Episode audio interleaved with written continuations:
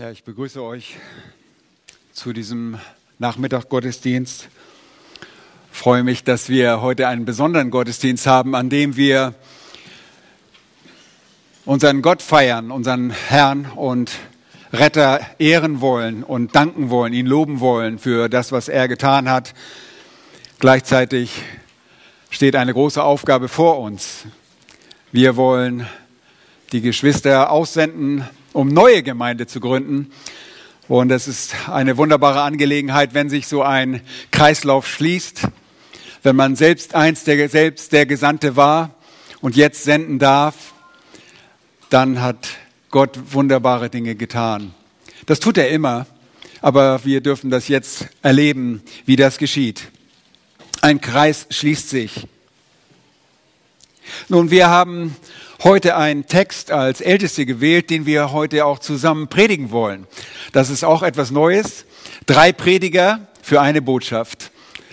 Und äh, ein Text, den, der euch zur Ermutigung dienen soll, zur Ermahnung, zur Stärkung nicht nur euch, die ihr ausgehen werdet, um neue Gemeinde zu gründen, sondern auch uns, die wir hier bleiben und auch diesen Auftrag haben. Es geht um drei Antriebe für unsere Mission als Jünger Jesu. Drei Antriebe für unsere Mission als Jünger Jesu. Schlag bitte mit mir den Text dazu auf aus dem Matthäus Evangelium Kapitel 28, wohlbekannte Verse aus den Versen 18 bis 20 ist der Predigtext. Ich lese von Vers 16 um des Kontextes willen. Matthäus 28 ab Vers 16. Die elf Jünger aber gingen nach Galiläa auf den Berg, wohin Jesus sie bestellt hatte. Und als sie ihn sahen, warfen sie sich anbetend vor ihm nieder. Etliche aber zweifelten. Und Jesus trat herzu, redete mit ihnen und sprach, mir ist gegeben alle Macht im Himmel und auf Erden. So geht nun hin und macht zu Jüngern alle Völker und tauft sie auf den Namen des Vaters und des Sohnes und des Heiligen Geistes und lehrt sie alles halten, was ich euch befohlen habe. Und siehe, ich bin bei euch alle Tage bis an das Ende der Weltzeit. Amen. Ja, soweit der Text. Unser Herr ist gerade vom Tode auferstanden und befindet sich etwa 20 Tage danach bei dem Treffen mit seinen Jüngern in Galiläa. Nun, die Frauen hatten ihm das gesagt. Jesus selbst hatte das seinen Jüngern befohlen. In Kapitel 26, Vers 32 sagt er, aber nachdem ich auferweckt worden bin, will ich euch nach Galiläa vorangehen. Was stellen wir bei diesem Treffen Jesu mit den Jüngern fest? Wir sehen bei ihnen eine angemessene Reaktion in der Anbetung Jesu und eine nur allzu menschliche Reaktion des temporären Zweifelns. Sie sind einfach schwach. Kennt ihr solche Momente? Wir als Jünger Jesu, die wir auch Jünger sind, sind manchmal schwach. Nun mit den folgenden Versen, Versen 18 bis 20, bestätigt Jesus seine Jünger in ihrer Anbetung und hilft den zweifelnden, schwachen Jüngern, sich zu erinnern. Er tröstet und ermutigt.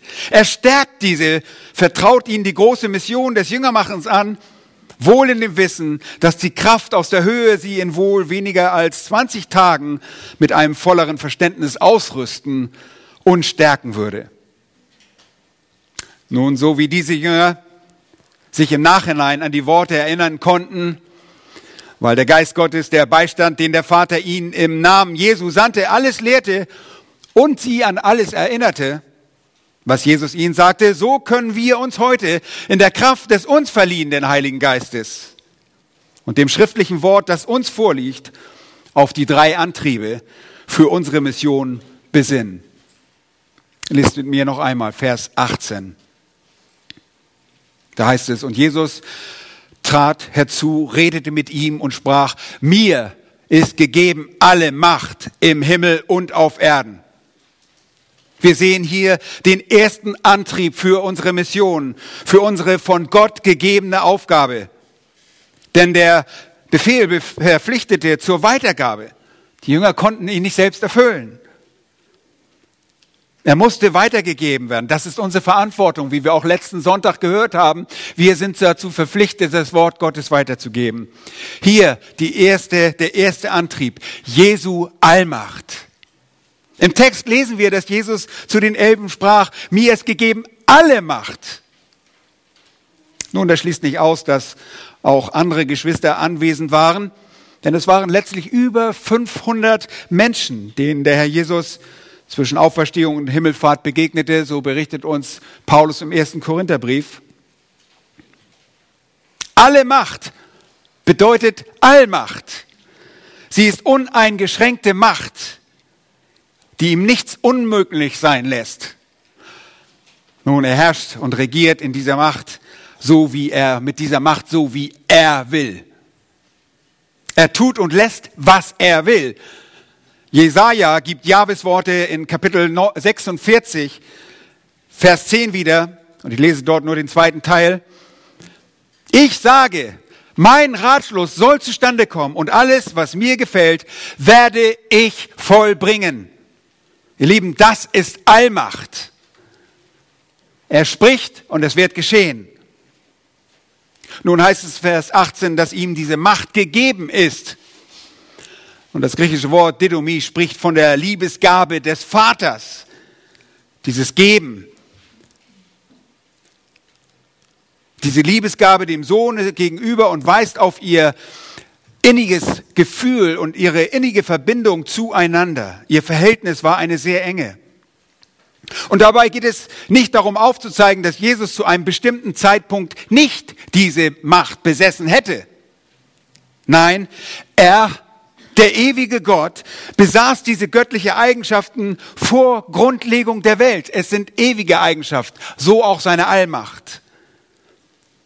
Er war der Allmächtige in der ewigen Vergangenheit. Und er will hier lediglich damit sein inniges Verhältnis zu seinem Vater ausdrücken. Jesus besitzt also alle Macht. Preis den Herrn.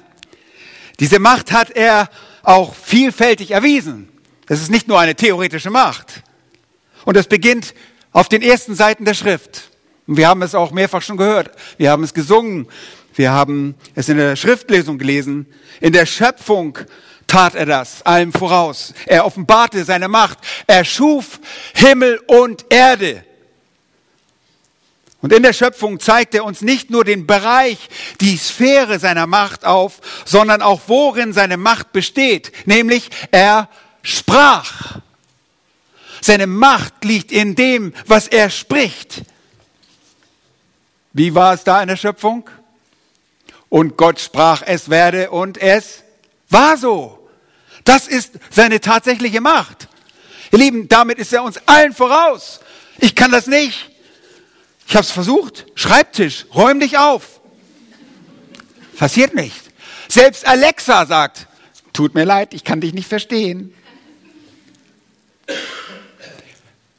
Gott spricht und es geschieht. Er sagt, ich habe alle Macht im Himmel und auf Erden. Nun, Jesus hat das unter Beweis gestellt, denn er ist Jahwe Gott. Überall, wo ihr von Gott im Alten Testament lest, ist Jesus da. Überall, wo Jahwe steht, ist Jesus da. Jahwe ist in seinem heiligen Tempel, heißt es dort im Psalm 11. Der Thron Jahwes ist im Himmel, seine Augen spähen, seine Blicke prüfen die Menschenkinder. Psalm 47, Vers 9. Gott herrscht über die Völker. Gott sitzt auf seinem heiligen Thron. Nun, von wo aus regiert er? Vom Himmel aus. Wie reagiert er in aller Macht? Durch sein Wort. Nun, Satan ist chancenlos. Im Himmel haben wir das gesehen. Schon das älteste Buch offenbart uns das, das Buch Hiob. Dort lesen wir im ersten Kapitel und Vers 11, dass Satan Gott versuchte. Und er wollte Hiob, seinen Knecht, den Knecht Gottes zu Fall bringen. Aber dort heißt es in Vers 11, dass Jahwe zum Satan sprach, siehe, alles, was er, was Hiob hat, soll in deiner Hand sein. Nur nach ihm selbst strecke deine Hand nicht aus. Und der Satan ging vom Angesicht Jahwes hinweg. Gott Jahwe, der Herr Jesus, spricht und Satan kann nichts tun. Er muss tun, was Gott Jahwe, was Jesus, der Sohn, sagt. Er hat die Vollmacht zu sprechen und es geschieht. Nun, ich könnte das ausbauen. Wir sehen, wie Gott alle Macht im Himmel hat, wie Jesus regiert im Himmel. Wie, wir sehen das auch, wie er das auf der Erde tut. Ich muss mich da zurückhalten heute. Im Markus-Evangelium haben wir das gesehen. Erinnert ihr euch? Die Macht Jesu. Und wir haben sie gesehen. Und es fing gleich damit an, dass er wen besiegt? In der Versuchung. Satan auf Erden. Nicht nur im Himmel. Er hatte Macht auch auf Erden. Nicht nur im Himmel. Da heißt es in Vers 13, und er war 40 Tage dort in der Wüste und wurde von dem Satan versucht. Und wir kennen den Ausgang. Erinnert euch sehr wohl daran. Wie siegt Jesu in der Versuchung? Durch das Wort. Durch das Wort. Es steht geschrieben. Wozu sagte Jesus, dass er gekommen war? Erinnert ihr euch noch dran? Der Borchmann betont es immer wieder. Jesus kam, um zu lehren. Er war ein Lehrer, er war ein Verkündiger. Was verkündigt er? Die wahre Macht, das Wort Gottes. Und das merkten auch seine Zuhörer. In Kapitel 1, Vers 22 im Markus-Evangelium sehen wir das, dass er mit Autorität und Vollmacht lehrte. Und was lehrte er? Er lehrte das Wort. Und sie erstaunten alle über seine Lehre. Denn er lehrte sie wie einer, der Vollmacht hat der mächtig war, nicht etwa wie die Schriftgelehrten. Und diese Vollmacht stellt er so bald, sogleich unter Beweis in dieser Synagoge, indem er was tut? Er gebietet einen unreinen Geist auszufahren. Und diese Geister beziehungsweise gehorchten ihm, Kapitel 1, Vers 27. Wie übte er seine Macht dort aus? Durch das Wort. Er sprach und sie mussten gehen.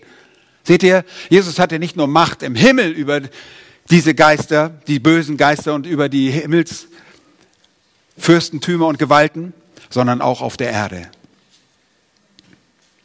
Das Schönste, was wir und warum wir heute hier sitzen, ist, dass er die Macht hat, zu vergeben.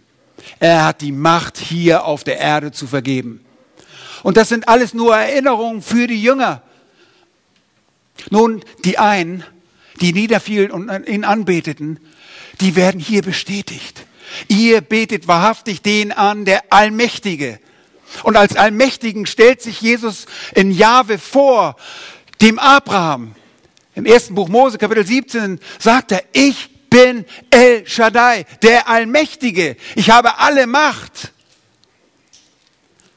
Und in Markus Kapitel 10, 2, Vers 10 sehen wir, dass er Macht besaß, die Sünden auf Erden zu vergeben und belegt es gleich noch anschließend über seine Macht, die er hat über die Krankheit. Er sagt zu dem Lahmen, nimm dein Bett, heb es auf und geh nach Hause. Seht ihr, das beweist, dass er der Allmächtige ist. Er zeigt es, er erweist seine Allmacht. Und dass er zwölf Jünger um sich scharte, damit diese Krankheiten heilen und Dämonen austreiben würden, ist einzig und auf, allein auf seine Macht, die er anderen verliehen hat, zurückzuführen. Das durften die Jünger üben. Er verleiht ihnen bestimmte Macht, nicht Allmacht, aber eine bestimmte Autorität verleiht er ihnen. Nun, ihr Lieben, wir müssen wissen, warum manchmal Menschen durcheinander kommen. Sie verstehen nicht, dass er der Allmächtige ist. Warum? Sie betrachten seine Menschheit und verstehen nicht, was es mit der Menschheit auf sich hatte. Nun, die Schrift lehrt, dass sich in der Menschwerdung der ewige Sohn, das ist die zweite Person der Dreieinigkeit, ohne seine göttliche Natur oder irgendwie der göttlichen Eigenschaften zu ändern, selbst zu jemandem machte, der kein Ansehen hatte. Das ist die Kenosis, die Entleerung. Er machte sich zu jemand, der kein Ansehen hatte. Durch die Annahme einer wahrhaften menschlichen Natur. Wesensgleich mit unser, allerdings ohne Sünde. Nun, die Schrift lehrt auch, dass er vom Heiligen Geist gezeugt wurde. Im Schoße der Maria, einer Frau. Er wurde empfangen und so von einer Frau geboren. Tja, so dass zwei ganze, vollkommene und unterschiedliche Naturen, die göttliche und die menschliche, in einer Person verschmolzen, ohne Vermischung, Veränderung, Teilung und Trennung sichtbar wurden in ihm. Er ist daher wahrhaftig und völlig Gott. Und er blieb immer Gott. Er hörte nicht auf, Gott zu sein. Er war Gott, so wie wahrhaftig völlig Mensch. Das große Mysterium, das wir nicht lösen können. Aber die Schrift lehrt, dass er der einzige, der alleinige Mittler ist. Sie lehrt, dass er in seiner Menschwerdung seine göttliche Natur, seine Eigenschaften und Vorrechte voll besaß. Allerdings brachte er im Stande seiner Demütigung die Herrlichkeiten seiner Majestät nicht immer voll zum Ausdruck. Und deshalb glaubten Menschen, er wäre schwach. Aber hier sagt er es, mir ist gegeben alle Macht, alle Vollmacht im Himmel und auf Erden. Und er gab sie nie ab. Es gehörte zu seiner Macht, dass er auf bestimmte Dinge verzichtete, sie anzuwenden. Dass er sich von seiner eigenen Schöpfung ans Kreuz nageln ließ. Ihr Lieben, der Schreiber des Hebräerbriefes sagt, er ist in Kontrolle. Er sitzt auf dem Thron. Und da sitzt er nicht erst nach seiner Auferstehung, sondern den Thron verließ er. Erinnert ihr euch an das Lied? Wie heißt es? Groß ist dein Name. Herr, wir loben dich. Er selber, Gottes Sohn, verließ des Vaters Thron. Litt Schande, Spott und Hohn oder Not. Geht ja, für uns in den Tod. Ja. Und er verließ den Thron, kam auf die Erde und ging, kehrte zurück in die Herrlichkeit. Johannes 17 drückt das sehr wunderbar aus. Er verließ die Herrlichkeit, er wird wieder verherrlicht und er sitzt zur Rechten des Thrones. Mitten auf dem Thron, wie wir in die Offenbarung hineinblicken, sitzt er mitten auf dem Thron. Das Lamm erscheint mitten auf dem Thron da, wo der Vater sitzt. Ihr Lieben, er ist der Allmächtige. Und das brauchten die Jünger. Sie mussten es jetzt hören. Und daran würden sie sich erinnern, so wie wir es jetzt tun. Wir haben einen mächtigen Gott, einen mächtigen Herrn. Und dieser Auftrag, den wir haben, hat einen ganz wesentlichen Antrieb. Die Allmacht unseres Gottes, die Allmacht unseres Herrn.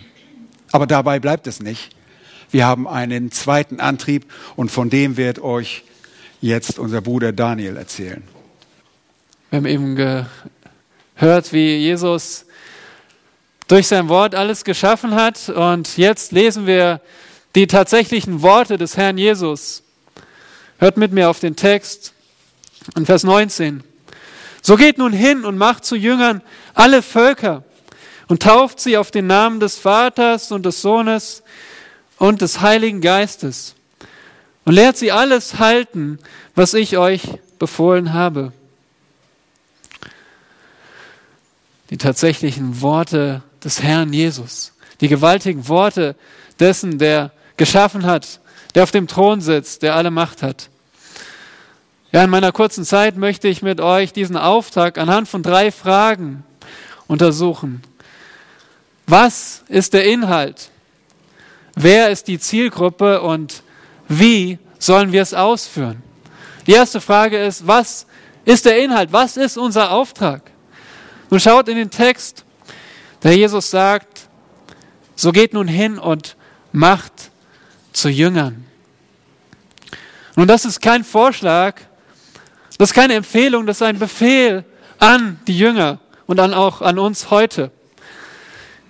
In diesem Vers gibt es ein Hauptverb, ein Hauptverb, das über allem steht, und das ist das Verb Jünger machen. Jünger machen ist sozusagen wie das Brautpaar bei der Hochzeit.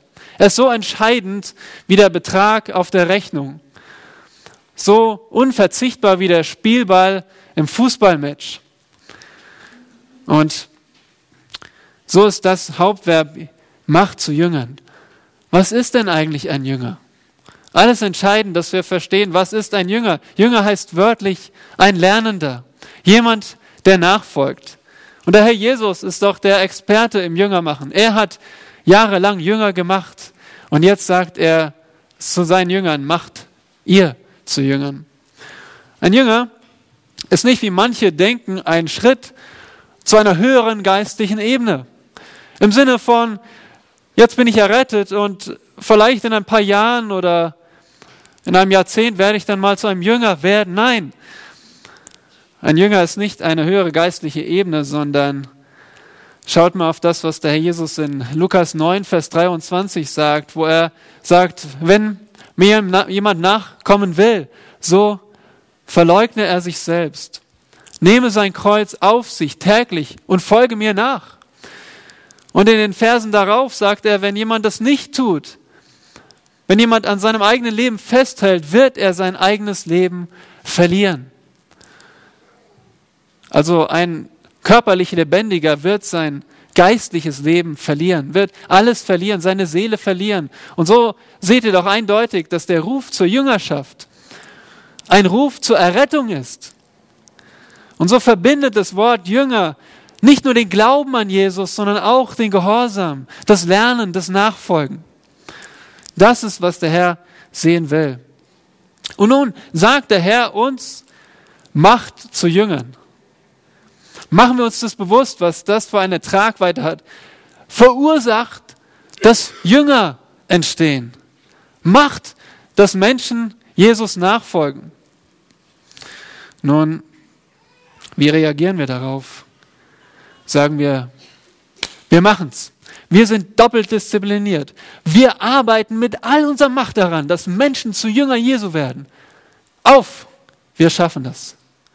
Wenn wir so denken, sind wir alle zum Scheitern verurteilt. Keiner von uns kann einen Menschen zu einer neuen Kreatur machen. Keiner von uns kann Menschen erretten. Wir alle sind machtlos vor dieser Aufgabe. Und deswegen gibt es ein einziges Wort in diesem Text, was der Schlüssel ist. Ein Wort mit zwei Buchstaben. Schaut an den Anfang in Vers 19. So. So folgt, macht die Schlussfolgerung aus dem, was der Herr Jesus gerade gesagt hatte, was Dieter uns erklärt hat, wo der Herr Jesus sagt, mir ist gegeben alle Macht. Deswegen Macht zu Jüngern. Hinter diesem Auftrag steht Jesu Macht. Er allein vermag es, Menschen zu erretten, zu neuen Menschen zu machen, die Wiedergeburt zu schenken. Und wir sollen daran mitwirken.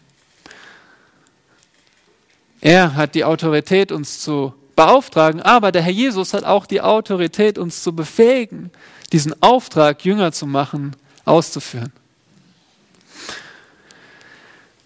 Die zweite Frage, die ich mit euch behandeln möchte, ist die Frage, wer ist die Zielgruppe? Und ihr erkennt es eindeutig in eurem Text in Vers 19. Macht zu Jüngern alle Völker. Das Wort alle im Griechischen bedeutet alle. Alle, alle Völker, auch Israel. Alle Völker, ob Juden oder Heiden. Und mit diesen Völkern sind jetzt nicht die Völker im Sinne von der UN gemeint, ja, der Vereinigten Nationen. Denn bei der UN gibt es zum Beispiel auch Russland oder China als Mitglieder. Nun denkt einmal an Russland. Ich war dort nur auf der Durchreise im äh, Flughafen. Ich kann davon nicht aus Erfahrung sprechen, aber in Russland gibt es so viele verschiedene Volksgruppen. Zum Beispiel die Tataren oder die Buryaten. Oder in China gibt es so viele verschiedene Volksgruppen, Minderheiten, die man nicht einfach nur unter einem Volk fassen kann. Und der Herr Jesus meint genau das. Er meint die 13.000 verschiedenen Volksgruppen auf dieser Erde. So gewaltig ist dieser Auftrag. Mehr als 1500 von diesen Volksgruppen haben kein einziges christliches Zeugnis. Deswegen alle Völker. Und das ist neu. Denn zuvor in Matthäus 10 sagt der Herr Jesus seinen Jüngern, geht zu den verlorenen Schafen Israels. Aber jetzt erweitert er den Auftrag auf alle Völker. Und nun mal eine Bibel-Quiz-Frage. Wo habt ihr das schon einmal gehört? Diesen Ausdruck, alle Völker. Woran erinnert euch das? Vielleicht an eine Verheißung an Abraham, wo Gott dem Abraham verheißt, in deinem Samen sollen alle Völker der Erde gesegnet werden. In 1. Mose 22, Vers 18. Gott hatte von Anfang an schon alle Völker im Blick. In deinem Samen, welcher Samen, welcher Nachkomme ist hier gemeint? In Jesaja 49, Vers 6 sagt Gott zu seinem Knecht, ich habe dich auch zum Licht für die Heiden gesetzt, damit du mein Heil seist bis an die Ende der Erde. Und im Neuen Testament verkündigen Paulus und Barnabas genau mit diesem Vers das Heil, das uns gekommen ist für alle Völker durch Jesus Christus. Er ist dieser Same. Und was für ein gewaltiger Auftrag. Alle Volksgruppen, alle verschiedensten Volksgruppen sollen diesem Jesus Christus, diesem Licht der Welt nachfolgen. Und die Frage, die sich ergibt daraus ist, wie machen wir das? Wie führen wir diesen Auftrag aus? Und das sehen wir jetzt in den folgenden Worten. Und zwar sehen wir es auf dreifache Weise. Jesus sagt, ihr sollt Jünger machen auf dreifache Weise. Ihr sollt gehen, ihr sollt taufen und ihr sollt lehren. Gehen, taufen und lehren. Auf diese Weise macht ihr zu Jüngern. Nun, Jesus sagt, erstens geht hin. Und das ist ebenso ein Befehl, auch wenn es dem Jüngermachen untergeordnet ist. Es ist kein äh, Vorschlag oder, ja, wenn ihr denn mal gehen solltet, dann könntet ihr auch Jünger machen. Nein, es ist genauso autoritativ. Geht hin und macht zu Jüngern. Häufig hört man das in Aufrufen zur Weltmission, oder? Geht hin, und wir haben so, wir könnten den Eindruck bekommen, wir müssten in ein möglichst fernes Land gehen, um diesen Missionsbefehl auszuführen. Geht hin. Aber das Gehen hier ist nicht unbedingt der Fokus. Es ist nicht das Wichtigste, dass du gehst und möglichst weit weggehst, sondern dass der Fokus ist für den Herrn Jesus Jünger machen. Und die Menschen aller Völker sind nun mal nicht bei den Jüngern in Galiläa gewesen. Sie waren wirklich verstreut über die Erde. Und so ist das Hingehen die Voraussetzung, um überhaupt alle Völker zu Jüngern zu machen. Gehen heißt von einem Ort zum anderen reisen mit einem bestimmten Ziel. Und hier sehen wir, wie es auch auf uns zutrifft. Wir senden heute eine neue Gemeinde aus an einen bestimmten Ort. Und sie müssen dorthin gehen, um die Menschen, die dort leben, in diesem neuen Stadtteil für uns mit dem Evangelium zu erreichen. Und das ist so neu. Vorher war es Gottes Plan, dass alle Nationen zu Israel kommen, um dort Gott kennenzulernen. Aber jetzt sollen die Jünger rausgehen in die Welt. Nicht mehr die Nationen sollen herkommen, sondern die Jünger sollen rausgehen zu den Nationen und ihnen das Evangelium bringen. Und das wird ausgedrückt durch die zweite Weise, tauft sie. Das bedeutet im Wasser untertauchen. Aber diese Taufe ist keine bloße Formsache, kein Ritual. Es ist wirklich ein kraftvolles Symbol. Es drückt aus, was geistlich passiert ist. Nämlich, dass ein Mensch das Evangelium gehört hat, glaubt, sich bekehrt hat und dann Jesus nachfolgt. So wurde es in der Apostelgeschichte ausgeführt, dieser Auftrag. Wir sehen, wie die Apostel und andere Gläubige die Menschen tauften, die sich bekehrt hatten. Und so setzt das Taufen die freimütige Evangelisation voraus. Und so ist die Bedeutung der Taufe heute immer noch dieselbe. Du drückst aus, dass du jetzt Christus, mit Christus vereint bist. Mit seinem Tod, seinem Begräbnis, seiner Auferstehung. Du bist von deinen Sünden gereinigt durch den Glauben an Jesu Opfer. Drittens drückst du auch mit der Taufe aus, dass der Zorn Gottes, der auf dir lastete, weggenommen wurde, dass du befreit bist. Und viertens drückst du aus, dass du jetzt hineingefügt wirst in Gottes Gemeinde. Die Taufe ist nicht losgelöst von der Gemeinde. Und das ist für euch als Gemeindegründung auch so eine Ermutigung. Hier steckt der Plan der Gemeinde drin, im Taufen. Taufen in eine Gemeinde. Und schaut einmal auf diesen, die wunderbare Worte, die hier stehen. Tauft sie auf den Namen des Vaters. Wie viele Namen werden genannt? Ein Name. Hier steht den Namen, Einzahl. Wie viele Personen werden genannt? Drei. Vater, Sohn und Heiliger Geist. Und hier sehen wir die Dreieinheit Gottes. Ein Gott, drei Personen. Das ist unser, nicht nur unser Glaubensbekenntnis, das ist der Gott, der alles in der Hand hält. Wisst ihr, ohne den dreieinigen Gott gibt es keinen Gott, gibt es keine Gemeinschaft, gibt es keine Schöpfung, gibt es keine Errettung und gibt es auch keine Zukunft, kein Reich Gottes auf dieser Erde, keinen neuen Himmel und keine neue Erde. Deswegen taufen wir auf den Namen des Vaters, des Sohnes und des Heiligen Geistes. Ohne den dreinigen Gott sind wir verloren.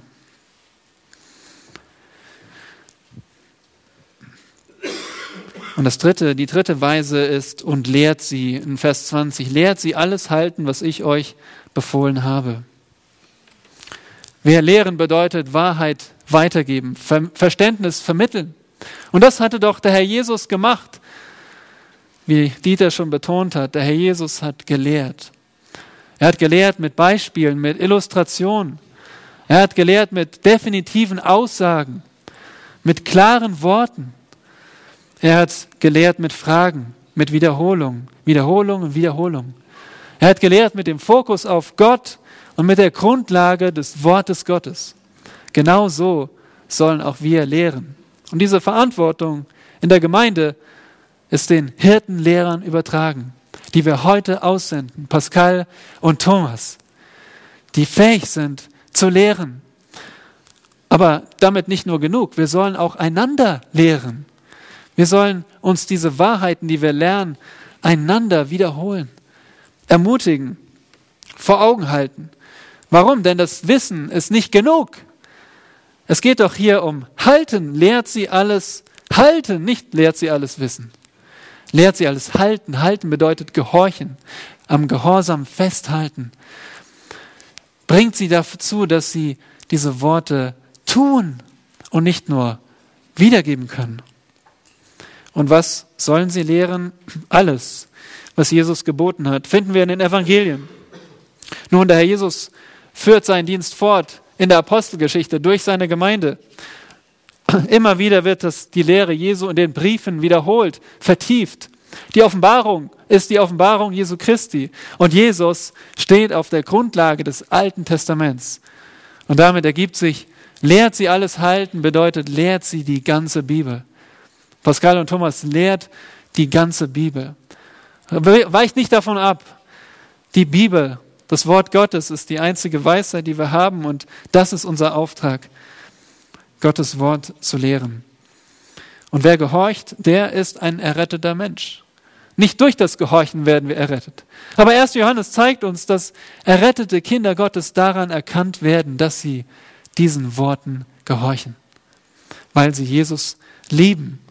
Johannes 14. Heute wird Jesu Auftrag ein Stück mehr Realität. Wir senden eine neue Gemeinde nach Pankow aus. Unser Auftrag ist hier wie dort derselbe. Was? Macht zu Jüngern.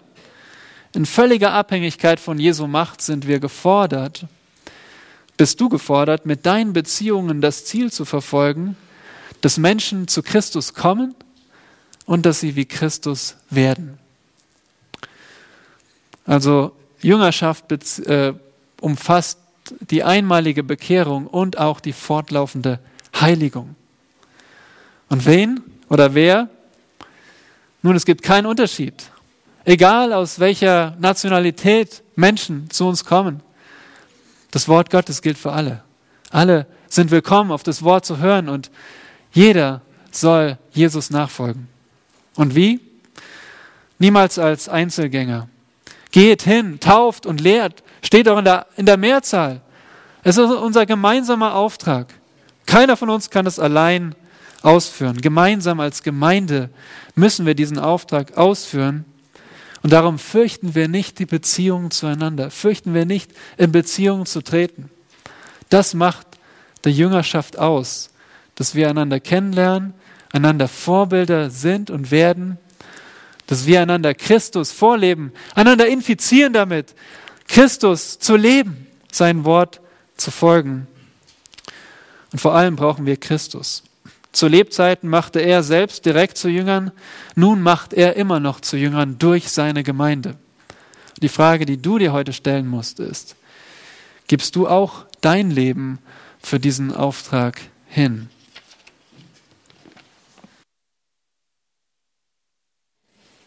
Ja, ich finde diese Stillen immer sehr schön, so die Stille zwischen den Predigern heute und so darüber nachdenken kann, weil jeder von uns wahrscheinlich mehr als eine Predigt mit dem Teil füllen könnte, den er hat. Und so finde ich es sehr ermutigend, darüber nachzudenken. Darüber nachzudenken, dass er allmächtig ist, dass unser Herr allmächtig ist, schon von Anfang an, von Ewigkeit her, seine Allmacht, seine Autorität durch sein Wort verkündet und uns den Auftrag gibt, mit der Autorität seines Wortes zu Jüngern zu machen. Und gerade heute, wenn wir darüber nachdenken, was die Mission Jesu ist und über diese drei Antriebe nachdenken, dann freuen wir uns darüber, Gemeinde zu gründen. Allein schon aufgrund der Tatsache, dass Christus allmächtig ist und dass er uns den Auftrag gegeben hat, zu Jüngern zu machen. Aber ihr Lieben, es wird noch besser. Nicht nur, dass Jesus allmächtig ist und uns den Auftrag gibt, nein, es ist nicht so, dass er in seiner Autorität spricht und dann sagt, so, jetzt seid ihr dran und ihr macht es schon, sich umdreht und weggeht. Nein, in Vers 20b lesen wir von Jesu Allgegenwart. Und was ist das für ein immenser, ein großartiger Trost für uns? Und so schaut, wie der Schreiber des Matthäus oder wie Matthäus sein Evangelium beendet und wie diesen abschließenden Satz beginnt. Er beginnt hier mit zwei kleinen Worten. Und siehe. Und siehe ist ein Aufruf, der große Aufmerksamkeit fordert. Aufmerksamkeit auf das zu richten, was folgt. Es ist eine wunderbare Verheißung, dass er nicht nur die allmächtige Autorität hat, uns nicht nur Vollmacht auch gibt, den Auftrag auszuführen, auch wenn wir nicht allmächtig sind, Nein, er gibt uns die wunderbare Verheißung seiner Allgegenwart, die uns anspornen soll, die uns anspornen muss, die Mission zu Jüngern zu machen, wahrzunehmen. Vers 20b, und siehe, ich bin bei euch alle Tage bis an das Ende der Weltzeit. Amen. Wir finden hier eine Verheißung, finden die Dauer der Verheißung, wir finden das Ende und die Antwort, die wohl jeder geben wird, der dieses Evangelium liest. Das Erste, was wir sehen, ist die Verheißung. Die Verheißung der Allgegenwart Jesu, die er gibt. Ich bin bei euch. Und das erinnert mich oder erinnert uns vielleicht direkt an Gottes Zuspruch, den er Mose gibt, als er in 2. Mose 3, Vers 12 ihm den Auftrag gibt, vor den Pharao zu gehen. Nur zu sagen, lass mein Volk ziehen. Oder der Zuspruch, den Josua bekommt, in 5. Mose 32, Vers 23, wenn er den Auftrag bekommt, ein wirklich halsstarriges Volk in das verheißene Land zu bringen. Oder der Prophet Jeremia, den Gott in Jeremia 1, Vers 8 ermutigt, wenn er ihm den schweren Auftrag gibt, dem Volk Gottes, Gottes Ratschluss zu verkündigen, indem er sagt, fürchte dich nicht vor ihnen, denn ich bin mit dir, um dich zu behüten. Und jetzt, ein paar Jahrhunderte später, Christus, Jesus, der diese Verheißung seinen Jüngern gibt. Ich bin bei euch. Nicht, ich werde irgendwann mal bei euch sein oder viel Glück ohne mich. Das wäre sehr schlecht, sondern ich bin bei euch als Beistand, als Freund, als Fürsprecher, als Ratgeber, als Retter, als euer Gott. Ich bin bei euch in eurem Dienst, in euren Gebeten. Ich bin bei euch in der Taufe, in der Gemeinschaft, in der Ermahnung, in der Belehrung, ja, in der Jüngerschaft. Und das ist ein so großer Trost für uns, die wir Jünger machen. Was für eine Sicherheit uns das gibt, dass der ewige Gott bei uns ist. Und so wie Matthäus sein Evangelium beginnt, so ermutigend beendet er es. Hört, was er in Matthäus 1, Vers 23 schreibt. Siehe, eine Jungfrau wird schwanger werden und einen Sohn gebären und man wird ihm den Namen Immanuel geben, das heißt übersetzt, Gott mit uns. Von Anfang an ist es klar, Christus ist Gott. Gott ist allgegenwärtig, das bedeutet, er ist an jedem Ort, zu jeder Zeit und noch darüber hinaus. Und ihr Lieben, wäre Gott, wäre Christus nicht in einem oder in einem Moment nicht allgegenwärtig, in einem Moment nicht in einem Molekül dieses Universums, alles würde sofort implodieren, weil alles durch unseren Herrn Jesus Christus zusammengehalten wird. Das bedeutet auch, dass er ein naher Gott ist. Ein Gott, der uns nahe ist, der die Geschehnisse der Zeit lenkt und nicht zurückgezogen in irgendeiner Ecke, ja, steht und guckt, ja, was machen die Menschen jetzt mit meiner Schöpfung? Wie verkorksen sie als nächstes? Nein, er ist da. Und wenn diese Verheißung der Allgegenwart Christi, der Allgegenwart Jesu auf seine Jünger damals zutrifft, dann trifft sie heute auch auf uns zu. Jesus ist bei uns. Und hier ist es wichtig, dass wir den Kontext verstehen. Es würde den Jüngern reichlich wenig bringen, wenn Jesus nur bei ihnen ist, weil er allgegenwärtig ist, aber nicht allmächtig wäre. Was, was würde das bringen? Es wäre kein Trost, es wäre lediglich ein, ich sehe, was du durchmachst, es tut mir wirklich leid, ich kann aber nichts ändern. Oder ich, ich hoffe wirklich, dass sich alles zum Guten wendet und in der Zeit bin ich bei dir und versuche dir Trost zu spenden. Nein, Deshalb ist der Kontext so wichtig. Wäre Christus, wäre Jesus nicht allmächtig, was würde uns die Allgegenwart nutzen? Aber weil Jesus allmächtig, allwissend, allgegenwärtig, weil er gut, souverän und barmherzig ist, voller Mitleid, ist seine Allgegenwart am Ende des Matthäusevangeliums der größte Trost, die größte Freude und die ermutigendste Verheißung, unseren Auftrag Jünger zu machen, wahrzunehmen. Ihr Lieben, der Ich bin ist bei uns. Ob in der Gnaden- oder Bibelgemeinde, ob in der ECG Hellersdorf, Lichtenberg, Spandau oder Wartenberg in der Eckstein- oder Leuchtturmgemeinde. Christus ist bei uns zu jeder Zeit, an jedem Ort. Die zweite Wahrheit der Allgegenwart Christi ist die Dauer. Sieh, ich bin bei euch alle Tage. Er sagt nicht, mit dem Tod der Jünger höre ich auf, bei euch zu sein. Nein, sondern alle Tage allgegenwärtig. Jeden Tag unserer Pilgerreise in die Ewigkeit, jede Stunde, jede Sekunde bei uns. Wortwörtlich übersetzt könnte man sagen, ich bin immer bei euch, alle Tage, euer ganzes Leben. Und damit gibt es keinen Moment, an dem Gott nicht bei uns ist. Und wenn er auch noch allmächtig ist, dann gibt es keinen Moment, an dem der allmächtige Gott nicht bei uns ist, der uns befähigt, den Auftrag auszuführen. Ob in der Gründung oder in der Sendung, Jesus ist alle Tage bei uns. Ob im Knast oder auf der Kanzel, Christus ist alle Tage bei uns. Ob in Sicherheit oder in Schmerz, ihr Lieben, ihr kennt die Antwort, er ist alle Tage bei uns. Ob in Tränen der Trauer oder in Tränen der Freude. Wie das heute oder dann in zwei Wochen vielleicht der Fall sein wird, wenn die Gnadengemeinde ihren ersten Gottesdienst beginnt. Und wir darüber nachdenken, wie schön es ist, eine zweite Kanzel zu haben, von der das Evangelium verkündet wird, die aus der Bibelgemeinde heraus entstanden ist. Und wie schade das ist, nicht mehr zusammen zu sein.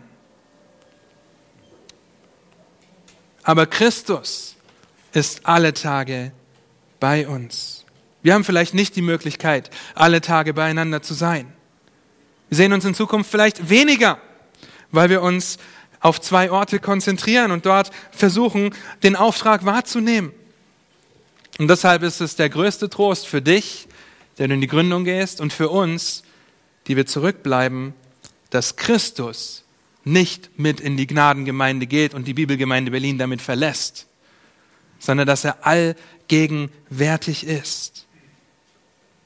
Das ist der größte Trost, dass er alle Tage bei uns ist. Das ist unser größter Ansporn, dass der Ich Bin bei jeder Predigt, bei jedem Gebet, bei jeder evangelistischen Tätigkeit, bei jedem Gespräch, sogar bei jedem Gedanken, den wir haben, bei uns ist. Alle Tage. Aber ihr Lieben, die Verheißung hat ein Ende. Die hat ein Ende, denn dann werden wir ihn von Angesicht zu Angesicht sehen. Das Ende der Weltzeit. Eines Tages wird diese Erde vergehen. Eine neue Ära wird eingeläutet und dann wird der Auftrag, die Mission der Gemeinde zu Jüngern zu machen, aufhören, weil die Gemeinde dann in Ewigkeit bei ihrem Herrn ist. Wieso ist diese Wahrheit, dass es bis ans Ende der Weltzeit so sein wird und dann zu Ende sein wird, so ermutigend für uns, wenn wir eine neue Gemeinde gründen? Nun, weil er durch seine Allgegenwart zu jeder Zeit, an jedem Ort, seinen perfekten Plan auch umsetzen wird. Er hat Autorität zu tun, was er will, haben wir von Dieter gehört. Ich bin bei euch alle Tage bis ans Ende der Weltzeit. Er sagt nicht, ich bin bei euch alle Tage und hoffe, dass es nicht so lange dauert. Nein, unser allwissender, allmächtiger, allgegenwärtiger Heiland kennt das Ende der Weltzeit. Unser Gott ist ein Gott der Geschichte, seiner Geschichte. Und wenn die Gemeinde den Worten ihres Herrn folgt und ihren Auftrag wahrnimmt, dann erfüllt sie ihren Auftrag in dieser Welt dem Herrn der Herren, dem König der Könige die Ehre zu geben, indem sie seine Wahrheit verkündigt und zu Jüngern macht. Auf den Straßen, von der Kanzel, in Hauskreisen oder persönlichen Gesprächen. Wir haben einen sehr, sehr deutlichen Auftrag, den wir durch die Allmacht und die Allgegenwart unseres Herrn mit Überzeugung, Freude und Freimütigkeit ausführen können. Aber eines Tages werden wir in seine herrliche Gegenwart einkehren, wo wir die Fülle der Freude für immer erleben werden. Wo dieser Auftrag aufhören wird. Und so lasst uns schon jetzt Zeugen der in uns wohnende Freude sein, weil wir wissen, dass Jesus allmächtig ist, weil wir wissen, dass er uns einen Auftrag gegeben hat und weil wir wissen, dass er allgegenwärtig ist und uns auch noch dazu befähigt, diesen Auftrag auszuführen.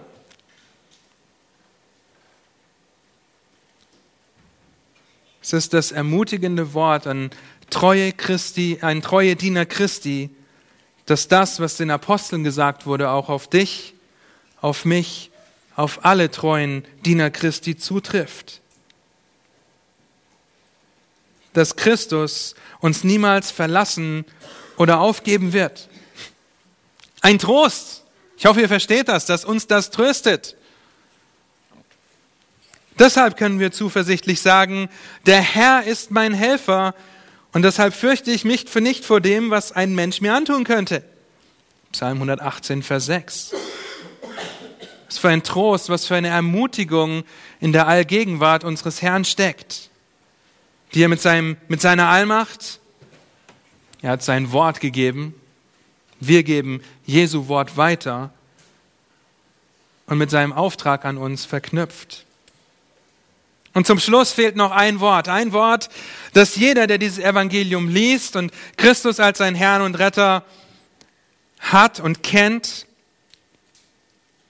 das er ausrufen muss, wenn er über die Mission der Gemeinde Jesu nachdenkt. Und das ist das Wort Amen.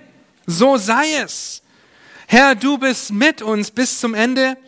Leite uns, stärke uns in unserem Leben und bring uns sicher durch das Tal der Todesschatten in deine herrliche Gegenwart, wo die Fülle der Freude sein wird. Lasst uns genau deshalb, lasst uns deshalb, weil der allmächtige Retter, der uns einen deutlichen Auftrag gegeben hat und dabei allgegenwärtig ist, der uns vor Augen steht, lasst uns alle deshalb von ganzem Herzen sagen, Amen. So sei es.